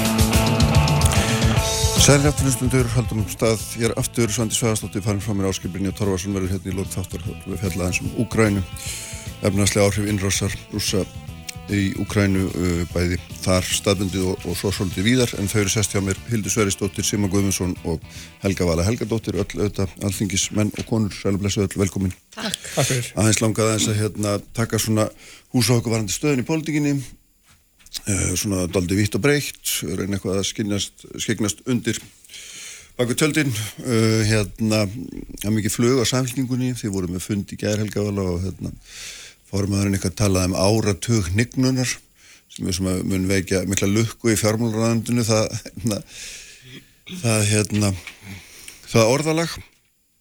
En hvað svona, ef við byrjum aðeins þar byrjum á áratug hnignunar Já, já, ég meina það- Hvað- hún- hvað er hún við var átt? Það er- er hún var vísa- góðæri búið að vera í Hún tíu ár var í nú að vísa þar í, í, í innviðin okkar og ég held að, að það diljist engum hvernig uh, komið er fyrir þeim. Uh, heilbyrðiskerfið, samgöngur uh, löggjæsla uh, menta, velferðar. Við getum haldið áfram. Uh, svona þessi grunn innviði sem, að, sem að við þurfum að reyða okkur á frá degi til dags þeir eru býstna laskaðir. Wow. Þarna fór mikrofónin minn. Grunn innviðir, bylgjunar nei, en hérna greinilega. Greinilega. Og hérna æ, þið vitið, þannig að hérna ég, mig grunna nú að hún hafi verið að vísa til þess.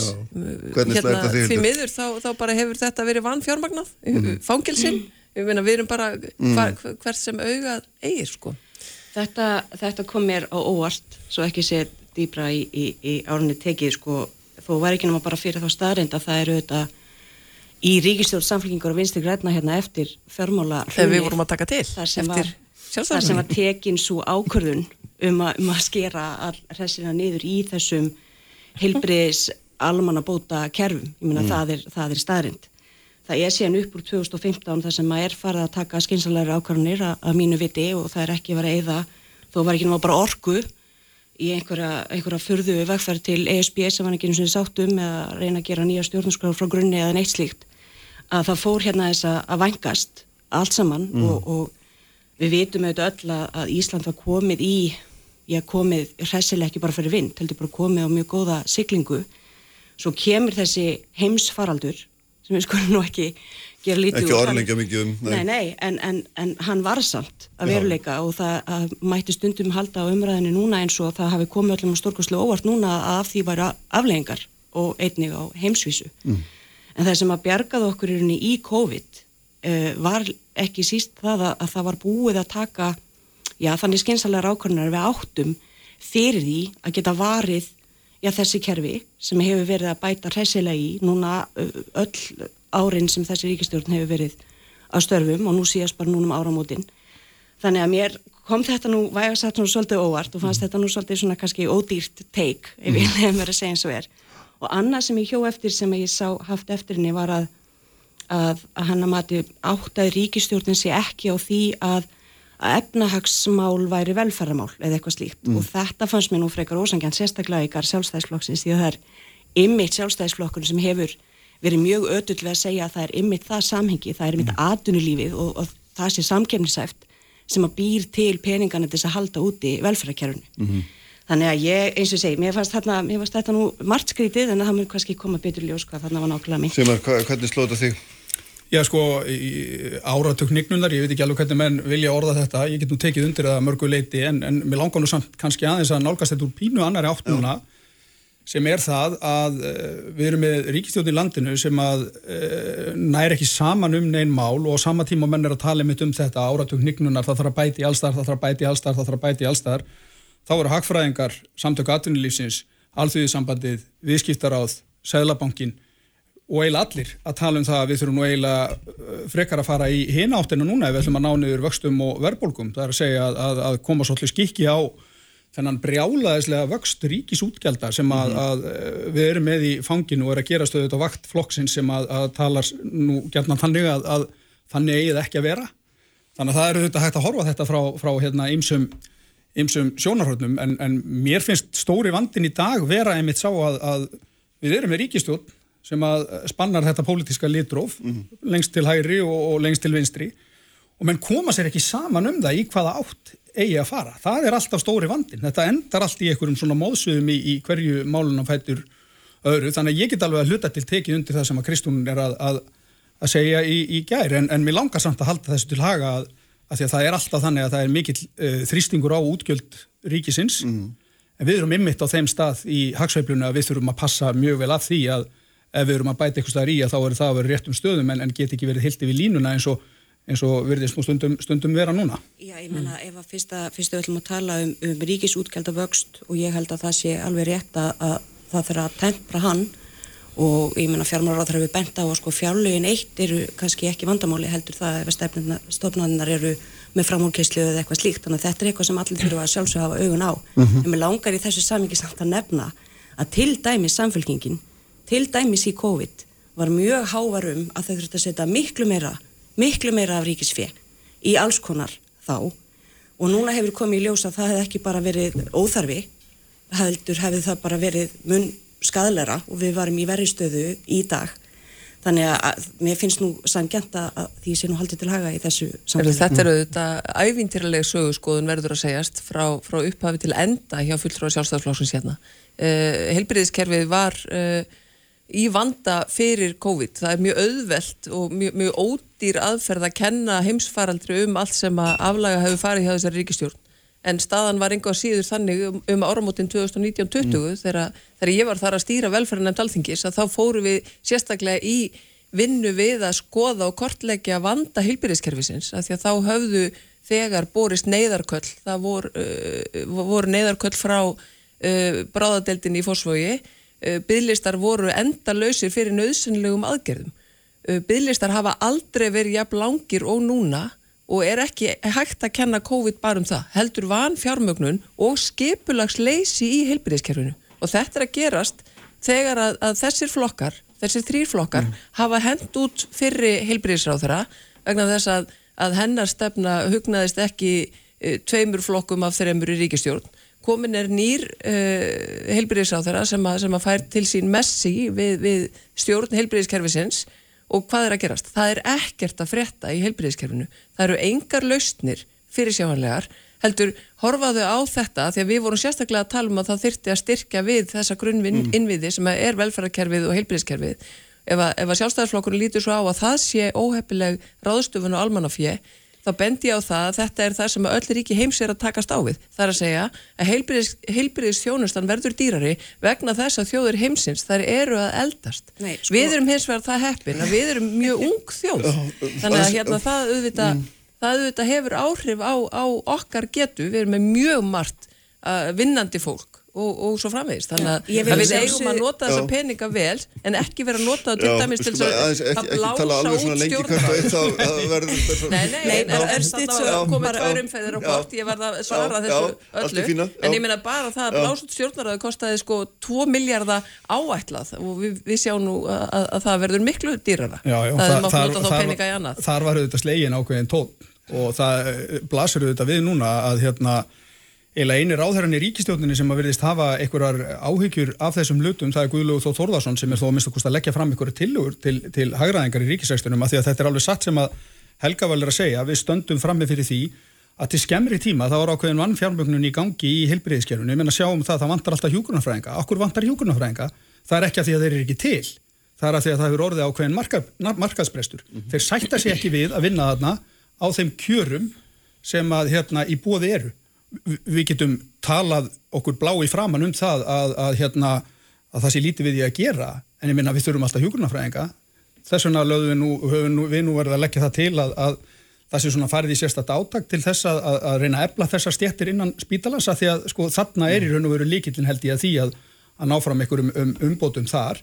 En menn get ekki verið þannig út um allt ríkiskerfið. Núna þurfum við að fara svolítið í öfluga forgangsröðun Og, og þegar þú ert með Vafki og, og, og hérna uh, Vafki og sjálfstæðisflokkin og sikurum endanum þá ná menn ekki saman um þetta. Það er verið að fella allar tillugu stjórnaranstöðunar um uh, auknar tekjur. Það er verið að fella tillugu stjórnaranstöðunar um eða mista kost okkar í viðreisn um, um, um það að, að, að ná einhvern veginn böndum á þetta allt saman. Þetta er stjórnlaust.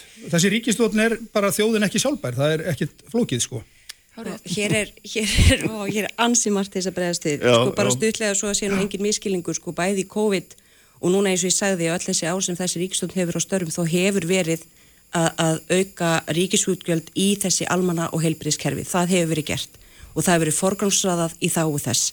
Og það er engin að sjá eftir því. Og núna bara á milli umræðna í fjárlögum núna bara rétt fyrir áramót að það fóru tæplega 20 miljardar í heilbriðskerfið, bara svo að það sé nefnt. Ég vildi bara samt sko því að það maður heyrir kannski minna frá stjórnarnarstöðunni af sko einhverjum tillögum um það sem þeim finnst já, kannski offarið með ríkisútgjöldin í þessu samingi Er það? Er það? Það? Það var ekki þann- það var ekki þannig í það sem fjárlagagerðinni er, það sem er, það sem er vand með farið við stöðuna núna er að eins og heimilinu þetta er að finna fyrir, þeir eru að sjá lánin, sín hækka, þeir eru að sjá mataköruna hækka og þetta er eitthvað sem allir finna bara í sínu heimilsbókaldi og finna kannski bara svona svolítið kvíða hjá sjálfum sér. Það breytir því ekki að staðan er að sko við erum ekki í kreppu ástandi. Nei, síður en svo. Við erum í rauninni í, heimilin eru það mörg í, hver. í, í góðaris ástandi og það er svo skrítið að nota það orð þegar fólk eru að upplifa og horfa framann í tíma að það sem að eru upplifa óryggi og sjá já, hvernig vinnumarkasteilunar er að ganga eða ekki ganga eða hvernig svo sem það er og að þau upplifi svona óryggi en þá verða svona sko það er ábyrð stjórnmáluna, ríkistjórnarinnar að nota réttu hagstjórnartækin við, með við aðstöðna sem eru upp raunverulega. Þannig að allar öll svona ingripp er, eru sko, eru ekki heppileg núna. Öll þenslu hvetjandi ingripp af hálfu ríkistjórnarinnar eru ekki góð. En hvaða, hvaða, hérna, hvaða, hvaða aðhaldsaðgerir Ég held að ætti þá að fara í gang núna vegna það er nöðsynlega að beita þeim. algjörlega og það sem er líkilatri núna þetta, þetta samspil, ég meina peningastefnu Sælabankans, ríkis útgjaldana vissulega og, sko? og vinnumarkaðins verður að tala saman þannig að þá er þá líkil atriði uh, ríkisútgjalda megin að sína þá ábyrð að vera ekki að gera lítur eða útmá í rauninni aðgerði Sælabankans sem er að reyna Mhm. að kæla hagkerfið. Þannig að þá í rauninni er Stuttasvarið að, að, að ríkisútgjöldin bera þá þá ábyrð, það er svo sem bera ábyrð á þeim, að fara ekki umfram þar, til dæmis, það eru auðvitað fyrsta skrufi. Já, hvar- það er hvar að sjá, þetta? þess að fá að, bregðast við þarna svo- af því að það er, það er í rauninni alveg ótrúlegt að hlusta á þetta af því Mm. að ríkistjórnin, hún fer í rauninni í það að hlýfa breiðu bökum samfélagsins. Hún sækir ekki tekjur þar sem að hægt er að sækja þær, heldur fer í flata krónutölu hækkun sem að bytnar á almenning í landinu. Og ef maður horfir á til dæmis það sem er að gerast núna það var frétt í heimildin í gær þar sem er fjallað um eitt fyrirtækja fjölskyldu Bjarnabendissonar sem að tekur kjærasamningshækkanirna sem að áttur sér stað núna e, e, í, í síðasta haust. Allar upp, á- upp á sko prósentu ögn, það er að segja dagar og senda þetta beint út í verðlægið, það er að segja þau bara senda bref til sinna viðskiptavinni þetta er eitthvað frengerningafyrirtæki og segja hér voru gerðið samningar í november upp á 11,9% uh, við munum hækka alla reikninga um það og að auki uh, færðu bakreikning fyrir því sem að, sem að hérna var samið um afturvirkt. afturvirkni. og það er, það er rosalegt að lesa þessa fréttan í, í heimildinni af því að maður sér bara einhvern veginn fyrirtæki sem hefur verið að greiða sér 2 miljardar á síðustu árum í arð leifir sér að gera þetta svona. Og hver borgar, jú, það eru þeir sem að kaupa svo þjónustan á endanum. Það er almenningur í landinu aldrei hefur ríkistjórnin hins vegar farið og sótt þessa peninga. Hvar er bankaskattur, hvar eru auðlindagjöld? Herri hérna herri hlutdeild þeirra sem að hafa sko, er í blúsandi sveiflu, af því það er það sem að, þar eru peningarnir, ekki króna þangað. Nei, nei, það, er sko, það er alveg rétt, við erum ekki í kreppu ástandi en hvað gerist á fáinu mánuðum eða fáinu missurum þegar að vextir eru svona rosalega háir og fara hækkandi? Þegar verðbólgan er svona há og fer hækkandi? Hvað gerist hjá heimilunum, þau auðvitað fara í kreppu ástand. Hvað gerist hjá fyrirtækjunum sem get ekki fjármagna sér til lengri tíma? Og ég meina við sjáum það til dæmis af þessu dæmi sem að Helga vala nú er ég ekki búin að lesa þessa uh, frétt eitthvað í, í smáatriðum en ef að öll fyrirtæki gera þetta að velta þessu bara svona beint áfram þá eru þau þetta að býta í skottið á sjálfu sér vegna þess að þetta síðan endar á uh, því að hafa áhrif á, á vakstakjörin sem að þau uh, vilja vantalega hafa lægri heldur en ella sko. Þannig að við erum svolítið á einhverju brún núna og það er bara algjört líkilatriði að, að, að ríkisfjármálunum sé beitt uh, í samræmi við það sem að Sæðlabankin er að gera. Ég meina það er ekki þægilegt að vera í þeirri stöðu hér almenningur í landinu að horfa á það að Sæðlabankastjóri er nánast að grátbiða ríkisvaldum að, að, að vera með þeim. Talar um það að ríkistjórnin sé að vinna gegn því sem Sæðlabankin er, er að gera. Þetta eru þetta uh, meiriháttar hagstjórnar mistök sem að hér eru í uppsiklingu, bytnar allt á almenningi og fyrirtækjunum í landinu og við erum ekki farin að sjá helmingina því ennþá. Nei, ég meina það er þetta samspil og, og ég auðvitað eins og segi, heimilin í landinu er, að- er að sjá lánin sin hækka og mataköruna hækka og ég er ekki að gera lítið úr því. Það breytir því ekki að ábyrð þeirra sem fara með, já, hagstjórnina eða allan að einn ánga hennar verða að horfa á stöðuna eins og hún er og það er ekki kreppu ástand. Það er ekki kreppu ástand sem réttlætir að, að setja alls konar auka peninga hér og þar sem að auka þenslu sem að vinna þá gegn markmiðum Sælabankans. að þið gerir það, Nei, Jú. ég er algjörlega ósamála því. horfða á fjárlögin. Já, ég meina eins og ég segi, það, er, það hafa það er verið meiri hlutir sem að samþykir þessi fjárlög. Það er, það er ekki hægt að segja alþingi gera það. Það er meiri hlutir, þetta eru stjórnarflokkarnir. Ég- það er svo óábyrgt að fjármálar á þeirra að tala með þessum hætti. Nei, og, sko, og, og fjárlögin, fjárlögin ein og sér eru ekki, ekki vandamáli og ég ætla að fá að nefna það, ég fagna því að heyra frá, frá þingmönnum og þá tala um stjórnarastöðunar þó ég held að þetta sé reynda lenska í öllum stjórnmálunum að það fari meiri fókus á útgjöldin og þau séu ekki alltaf góð. Því að, ég myndi gíska á að nánast 90% af allir umræðu á þingi sé hver getur sett meiri peninga í, í alls konar og a- yfirleitt allt góður og, og þarfir hlutir. En, en, en ég fagna því að við séum núna að fara að setja meiri fókus á að, að það er ekki endilega alltaf gott að setja meiri peninga Það í líka alls það hefur ekki líka með einhverja hugmyndum hvar við getum dreyið úr útgjöldum hérna, það er eitt að tala almennt um það að vera í takt við Sæðlabankan og vinnumarkaðin en annað er ríkið með einhverja ríkstjórnum með einhverja hugmyndur um það hvernig hún getur dreyið úr sko, ég er- útgjöldunum ég var- hvernig hún getur beitt þessu aðhalsvopni Ég orðaði það ekki þannig að draga úr útgjöldum, heldur við erum að tempra útgjaldavöxt. Já, það er það ekki það? alveg það sama. Nei, nei, og, til dæmis, og til dæmis bara það að, að, að ef við myndum einhvern veginn ná að búa sem húta, að búa til einhvers konar kerfi þar sem að fjárlögum sé betur fyllt. Ég veit ekki hvernig er best að útfæra Mm. það, en til dæmis ef það var einhvers konar fyrsta skref, við setjum fjárlög, við samþykjum þau.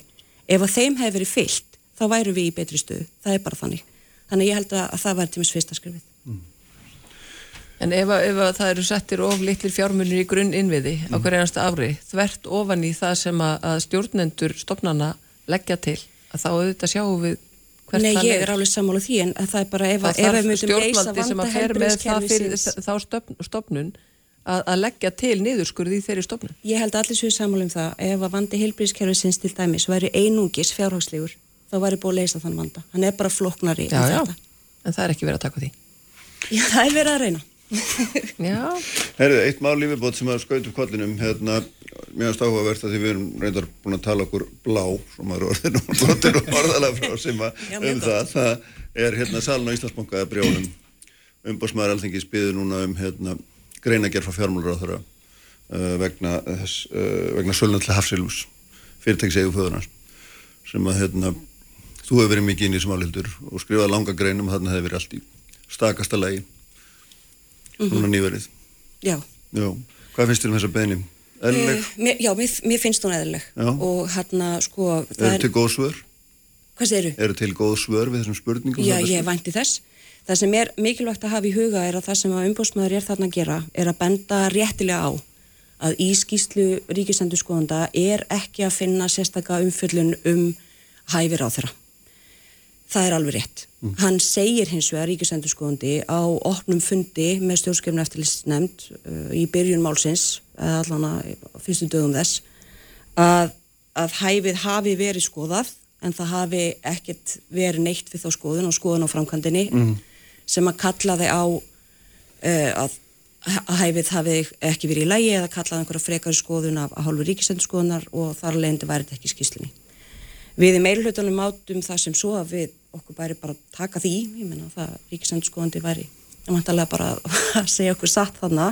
En höfum bent á í öllu ferlinu og tökum fram í okkar nefndaráliti að það hefði verið betra uh, og svona síður háð miskilningi í öllu þessu máli ef að það hefði bara staðið skýrt í skýslunni að þessi atrið hefði verið skoðuð. Þannig að núna eftir þinglega meðferð málsins uh, það sem er heilt yfir er að mínum mati og mati okkar í meirhlutunum með að við, já þau gífur yrði sem voru nú látin falla í byrjun þessa máls og þá er nú svona þegar ríkisest að þá kemur nú í ljósa heilt yfir, gekk þetta nú í vegumestu póstunum bara heilt yfir ágætlega en þó að það séu einstaka þættir sem á vanda betur. Uh, en þá, þá kemur umbósmaður og segir réttilega að það er ekki umfyllin um hæfi í skýslunni þess vegna kýs hann að spyrja ráð þar út í þessar spurningar. Og það er bara eðlileg meðferð mm. embætsins Hvað segir þú sem er, hvernig Ég, flært þetta þig? hérna, það er stundu talað um það með sér alltaf að reyna að endurskrifa söguna, það var gera svolítið góð tilrönd til þess hér, finnst mér. Þetta er það sem að við höfum verið að benda á frá því að málið kom upp, frá því að kaupendalistin var byrtur og það er engin tilvílun í því að, að ríkisendurskoðun var falið að skoða þetta. Ég held að menn hafi nú haft bara góðan grunn um það að eitt af því sem er ekki tiltekið í því væri einmitt ábyrðin þarna í efstu lögunu sem er, sem er snýr þá þá að, að stjórnsýslur áþærana og allt í þeim dúr. Við hljótum ekki að vera saman um það. Alveg sama hver flokkurinn er, alveg sama hver er í stjórn eða stjórnaranstöðu, hvað við heitum eða gerum eða allt það. Að ef það er þannig við sölu á eigum ríkisins að það kemur í ljós að einhver náinn ættingi þess sem ber ábyrð á sölinni keifti þó það sé lítið hlutur þá verður að skoða það. Þetta erum við búin að vera benda á allan tíman. Eh, Fyrir meðferð málsins inn í þingi, inn í, í stjórnskipuna eftirlisnefnd, við lögðum fram tillögu um það þegar að Tryggvi Gunnarsson hafi skilað einn sínum talpunktum, fyrirverandi uppbóðsmaður alþingis, það sem er að benda á einmitt þetta, að það vantaði svo mikið í skýslu ríkisendurskoðunar sem var fullkonlega fyrirsjánlegt og við vorum alltaf að benda á að yrði alltaf niðurstöðan, að þá var tillag um að fara sérstaklega yfir þann þátt feld af, af meiri hluta nefndarinnar meðal annars hildi Sverrisdóttur. Algjörlega. Þannig að við erum, við erum búin að vera að benda á þetta þannig að þegar menn koma einu núna og segja já það er bara flott hjá umbósmanni að gera þetta. Við erum búin að vera að tala um þetta í marga mánu að þetta þyrft að gera og það hefur verið hérna, mjög markvist barist gegn því að þetta yrði gert. Þetta er er ekki, bara staðan. þetta er ekki sangjant upplegg Og Jú, þetta er að þannig, segja- þetta er bara Nei. algjör sannleikur. Hérna, já. Já, já, það, ég, nú sitt ég ekki í, Nei, nefnd en, en, en er í mjög góðu sambandi við, við fulltrú á samfélkingarinnar og formann nefndarinnar og uh, þett, þessi niðurstáð, þessi afgreðsla meirhlutans á þessu máli inn í stjórnskipunar eftirlisnefnd kemur mér því miður ekkert óvart og þetta er endur tekið efni að, að greiða atkvæðu um að taka mál út úr nefnd án þess að vera búin að full skoða málið. uh, við höfum viðlíka samanburð, uh, viðlíka mál uh, 14-15 ára gamalt, nei, nei, 20 ára gamalt, þegar hérna, búnaðabankin var seldur og, og, og ríkisendurskoðun blessaði þá sölu uh, með, með skýslu sinni og 14 árum setna kom svo rannsóknarnemnd alþingis og síndi fram á að, að, að svo skýsla hefði ekki tekið á leikil þáttum og það er mjög skrítið að segja af því að ríkisendurskoðun fjallar ekki um hæfi ráð þeirra, þá ætlum við heldur ekki að gera það. Ég meina til hvers er stjórnskipur og eftirlisnefnd ef ekki til þess að, að klára málið, en það var ekki viljið til þess þrátt fyrir ítrekkaðar óskir eh, stjórnar anstöðunar inn í nefndinu um að gera slíkt. Og reyna tillögu um það, auðvitað. líka. Já, já, sem að hérna, hérna, hérna er nú bara sangjant að halda til haga aftur að ríkisendurskoðandi sagði að hæfið hefði verið skoðað og þau fundu ekkit aðtúavert að því. Engin umfjöllun um það í skýslu Nei, ríkisendurskoðunar. en hins vegar mjög skýr orð hans um það á opnum fundi. Það- Ég tek undir það og hef sagt allan tíman að það hefur verið betra að því hefði verið gerð skil í skýslunum Þið fjallið ekkert um það heldur. Ég er alveg sammúla því. En hins vegar finnst mér líka rétt að halda til haga að við þannig þinglega meðferð þar sem að, að vera að vinna með skýslu, þar sem að sá sem að byrja ábyrð á skýslunni og empati segir að, að þau atriði sem ekki voru talað aðfyrslu hæf var ekki að finna í skýslunni en að viðkomandi atriði hafi verið skoðað, þá tókum við því. Og þegar það er komið fram með tillögu um að fá lögfræðáleit frá fyrirfram greindum aðila sem að með fullri og mikilli virðingu fyrir honum er ekki í neinu þannig hlutverki einan stjórnkærsins hefur ekki rannsóknarheimildir að fara til þess að í rauninni að rengja orð ríkisendurskoðanda í þá vegferð. Tal- Er þá töldu- umbóðsmaður núna að rengja Töld- orð Nei, töldum ríkisendurskoðanda? við í meilhlutunum ekki rétt en við tæljum hins vegar rétt að umbóðsmaður sem er í því hlutverki núna innan stjórnkærisins eftir þinglega Mm. meðferð segir réttilega að þetta atriði sé ekki að finna í skýslunni, hann meti það sem svo að það sé þó betra að spyrja þessara spurninga, ég geri engar aðtöðasendu það, ég tel þvert á móti að það sé rétt með fyrir málunum. Það, það hefði vel verið hægt að, að, að kanna þetta inn í nefndinu og þetta er eitt, þetta er auðvitað eitt af því sem að nefndin á að kanna. sjálfsögðu. Það þýðir ekkert að koma bara eftir Að að, nefndin er búin að ljúka sinu umfyllun og segja, herri, hörru, nú er tímapunkturinn, við erum búin að vera að benda á þetta í marga, marga, marga, marga mánuði. Ríkisendurskoðandi tekur beinlinis fram að það sé ekki á valdsviði stofnunarinnar eða embættisins að bera kennsla á ágreiningsmál hvað var það lagatúlkun. Er ber lagalega ábyrð á því að benda á lögbrot. Auðvitað er ríkisendurskoðandi Já, ekki en þau, þau taka lagalegu... síður þetta fram, Nei, en- svona skýrt. Hann var mjög ekki skýr um að hafa skoðað hæfið. En ósamála um mátti þá nefndin ekki skoða betur og kanna og láta gera lögfræði álit eins og all, all, all vanalegt er um einmitt þessi atriði sem, að- sem, að- sem að þú ert að nefna. Ákveður var ekki hægt að fara þá leið. Það Þetta, var bara þetta er bara einhver fyrirsláttur, það var ekki rétti maðurinn sem átt að gera þetta. Við vorum að tala um Tryggva Gunnarsson. Er einhver hérna á Íslandi sem að treystir honum ekki til þess að gera þetta? Það er bara, það er útústúningu, Sigmar. Nei, það er það ekki, Það þetta er er óeðlilegt að fá lögfræðálit frá einum fyrirfram tilgreindum aðila sem Nei, er í það, engu það er hlutverki. alvanalegt að gera það, Hildur. Já, við erum ósamála um það. Já, það er að því að það er þið- að því það er að því að þið viljið vildu ekki að láta skoða þetta. Ég ætla að Ég það- ætla bara ekki að gera það. Nei, Það er bara- þú mátt alveg- þú mátt alveg kalla þetta Fyrir utan að það er ekkert sem bendir til að hæfi ráþra hafi verið þarna Nei, eitthvað. Þarna erum við engar að sértakar staðreyndir, hann vissi ekki hvernig kaupendalistin er, þannig að skýr orð ríksendur komið mér Þetta ekki og... kemur í ljós þegar umbóðsmaður alþingis fer yfir málið og skilar enn enn í skýslunni þá getum við haldið áfram. En má ég bara Já, örsnögt. það er fleira sem á út af stendur í þessari skýslu, hverjir eru eiginlegur, eiginlegir eigendur á, á þeim hlutum sem að eru keiftir erlendis frá og allt það. Mhm. Þannig að hérna, við erum auðvitað núna svona í ákveðnu millibilsástandi á meðan umbóðsmaður skoða sitt, en það má svo sannlega skoða fleira, því að það er ekki búið að Nú er- velta við öllum steinum. Nú er um. stjórnaræstan komin í einhverja veiðiferð lengst út á úthaf, út af það, núna er hreint eina sem það hafa er að þeir aðilar sé ekki þessi þið sögðist vera, það er með og Það er vel. ótrúlegt að vilja ekki skoða málið. Bestu þakkir öll þrjú. Takk fyrir að koma. Áskip Brynjar Þorvarsson hjá mér hérna eftir augnablik. Sprengisandur á bylgjunni. Alltaf björt og brósandi Þetta er Bilgjan Bylgjan. Kraftmikil umræða a- Alla sunnudasmórna Sprengisandur á Bilgjunni Sæli hlustundur, þau eru farin frá mig Simon Guðmundsson, Hildur Sverrisdóttir og Helga Vala Helgadóttir. Uh, við erum svona hér á lokasprettinum. Áskir Brynjar Þorvarsson er sestur hérna hjá mér. Uh, Sæli blessaður Áskir, velkomin. Góðan daginn.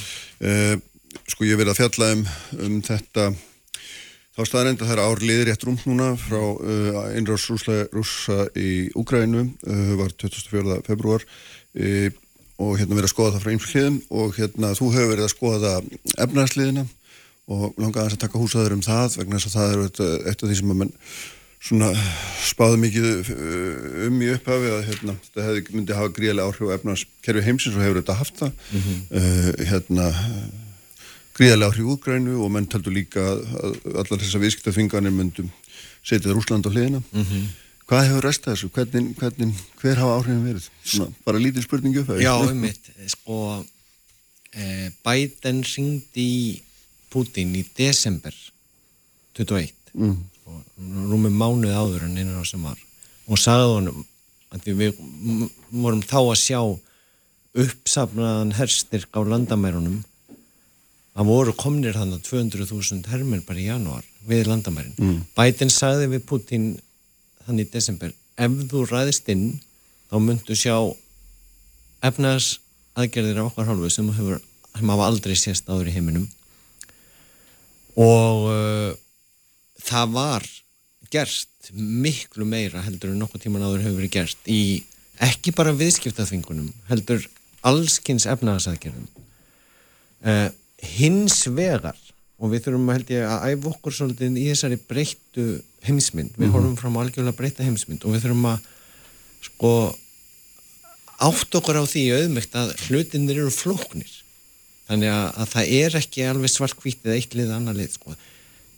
Margir spáðu að efnaður Úslands er laður rúst með 15-20% samdrætti út af þessum miklu öfluga aðgerðum sem að fólust ekki bara í þvingunum heldur líka að það var farið í sko efnaðast aðgerði þannig að frista eignir seglabankasar Úslands í öllum G20-lundunum sem var eignu upptaka mm.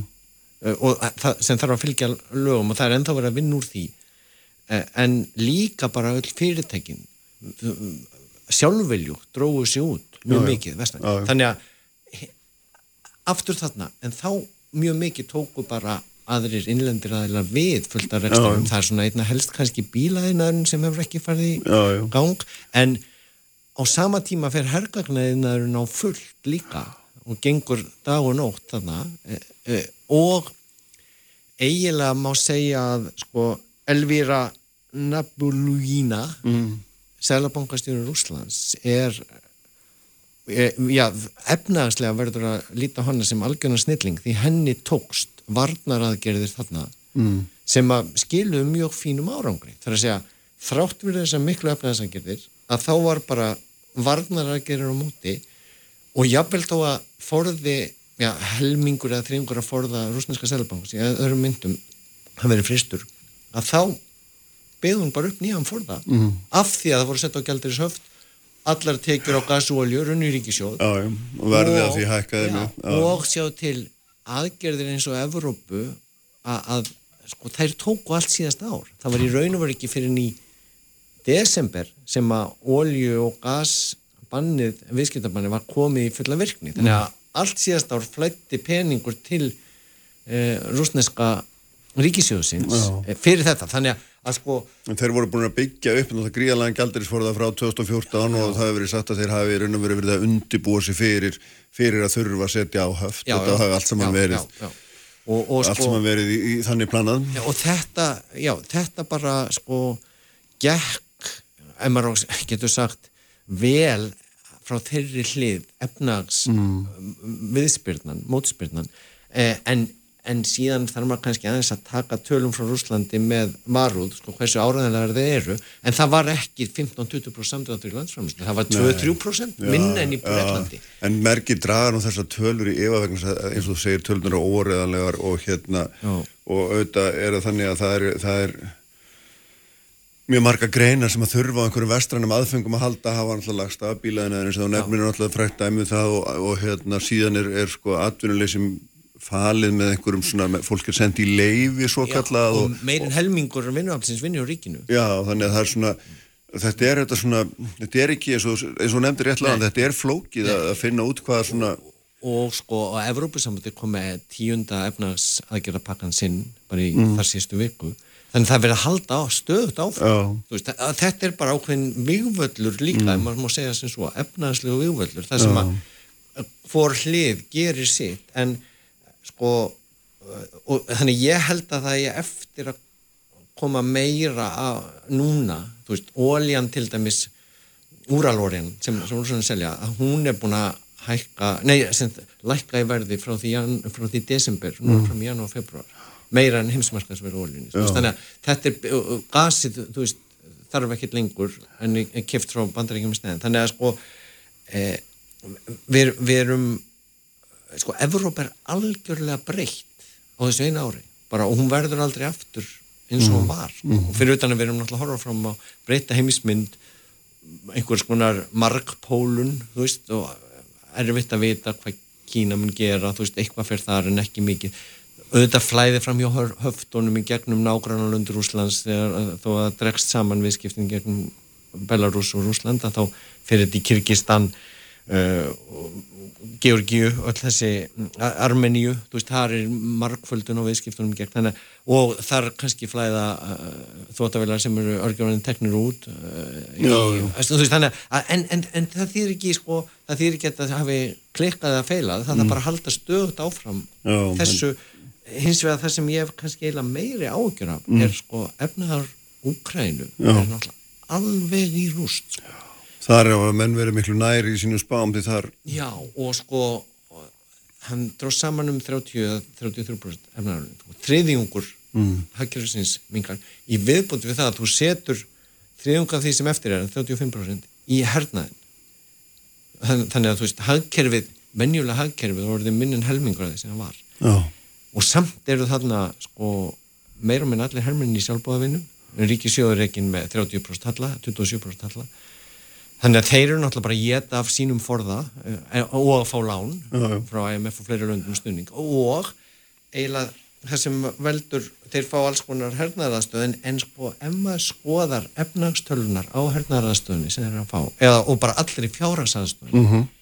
að þá er þetta bara ekkert eins mikið eins og orðin hljóma um að við stundum öll með Úkrænu og þú veist að, að við verðum að passa upp og þeir geti varið hér er úr skildi og svona.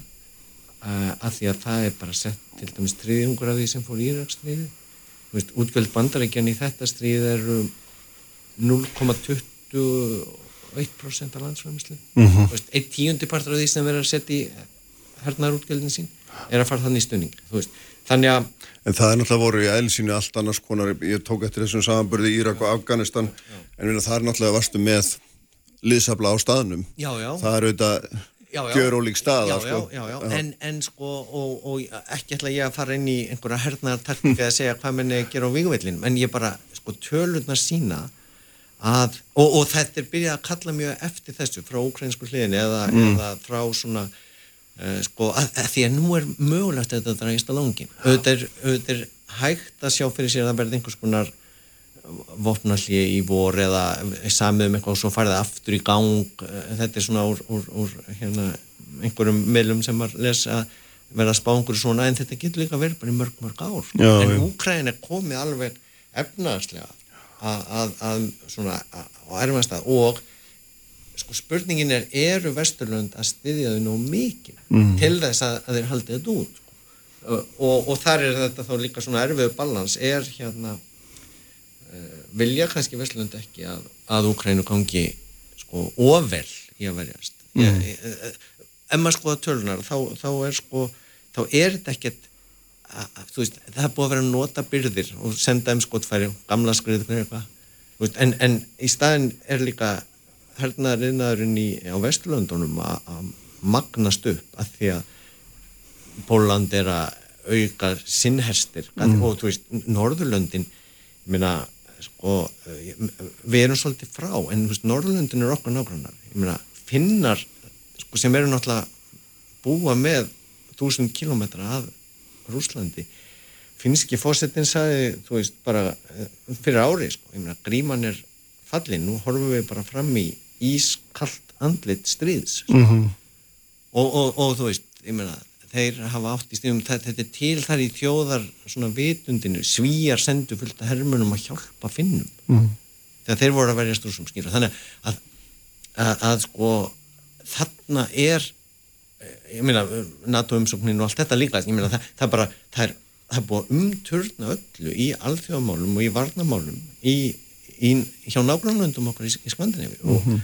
útgjöld og, og, og þar með líka, fyrir utan síðan þarf að takast á við allan flottumannaströyminn og ég meina, Já, já. endur uppbygginguna þannig, þannig að við erum sko að horfa fram á rosalega mikil efnaðarslega útgjöld núna hvenar svo sem tekst að stoppa stríðið bara, en líka bara til að halda gangandi hagkerfum í Úkræn Já, því já. þeir eru ekki að fá neitt oljugróða eða uh, Nei, nei, er ekki, segir ekki sagan að sko, eh, framlegsla á hergögnum í Evrópu á svona, svona friðar tímum, við getum kallað þannig að það dreifir svo mikið saman að, að þeir hafa ekki einu sinni við að, að hérna, uppfylla þarfir Nei, og- og og núna. það verður að byggja nýja vesmiður sko. bandarækjuminn eru sko 5, 6, 7 falda framleyslugetunum sína og þessum eldflöðaskotum til dæmis og svo eru jarðsprengjur og alls konar sprengjur. Og þú veist, sprengjur þannig þetta er, þetta er sko í Slovenia, Frakland Austuríki, Mhm. þjóðverðar allir að byggja einhverja En það var mikið talað náttúrulega orku, orkukreppu, orkukrísu og orkuverð myndi fara úr öllum. Mm. Valdi sem það fór náttúrulega að mista ástu tímabundið og hérna, en það hefur kannski ekki svona orðið í alveg jafn alvarlegt ástand og menn kannski sá fyrir upphauðum. að því það var farið líka þar í rosalega aðgerði sko. Mm. þannig að það, og þess vegna er- að segja sko, Evrópa er algjörlega breytt Vi, við, við sjáum þetta ekki alveg hérna svona langt frá sko. Ég meina, og, og það er verið umturna orkukerfinu þar alveg sko, ótrúlega hratt Mm. með að við hvernig svona Brussel eh, tímalengt hefur áður verið aðgerðum en það var reyndar líka í COVID sko. Next Generation EU og, og, og hérna um, sko, að- svona endur hanna hagkerfið á miklu hraðari hátt en maður hefur séð áður Mhm. og, og já, og svo kemur þetta það og þarna þá er náttúrulega erfiðar um vik en það er samt verið að gera svo mikla struktúrbreytingar og náttúrulega að undibúa það að taka síðan Úkrænu inn á sæmiðlega euróska markaðin Já.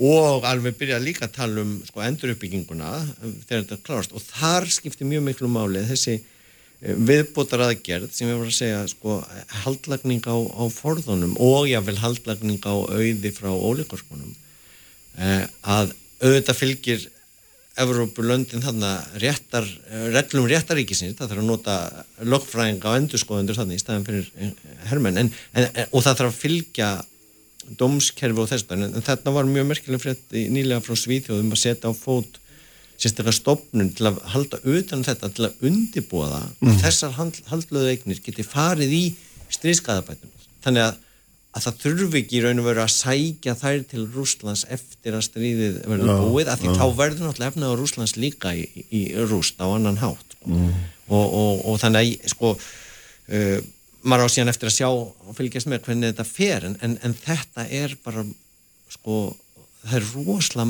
margt og mikið að gerast á þessu efnaðslega sviði Niðurstaðan kannski verður svo á endanum að, að, að svona stærsta niðurstaðan verður þetta svo að Rúsland einangrast algjörlega úr eða frá eða klífur sér frá alþjóða viðskipta samfélagin ekki satt, ég meina það verðist vera svona óhjákvæmilegt. og, og þá kemur inn þessi sko flókna sem ég vil ekki kalla tvíbólun heldur markbólun í þú veist hver mikið gerir Kína við þá Mhm.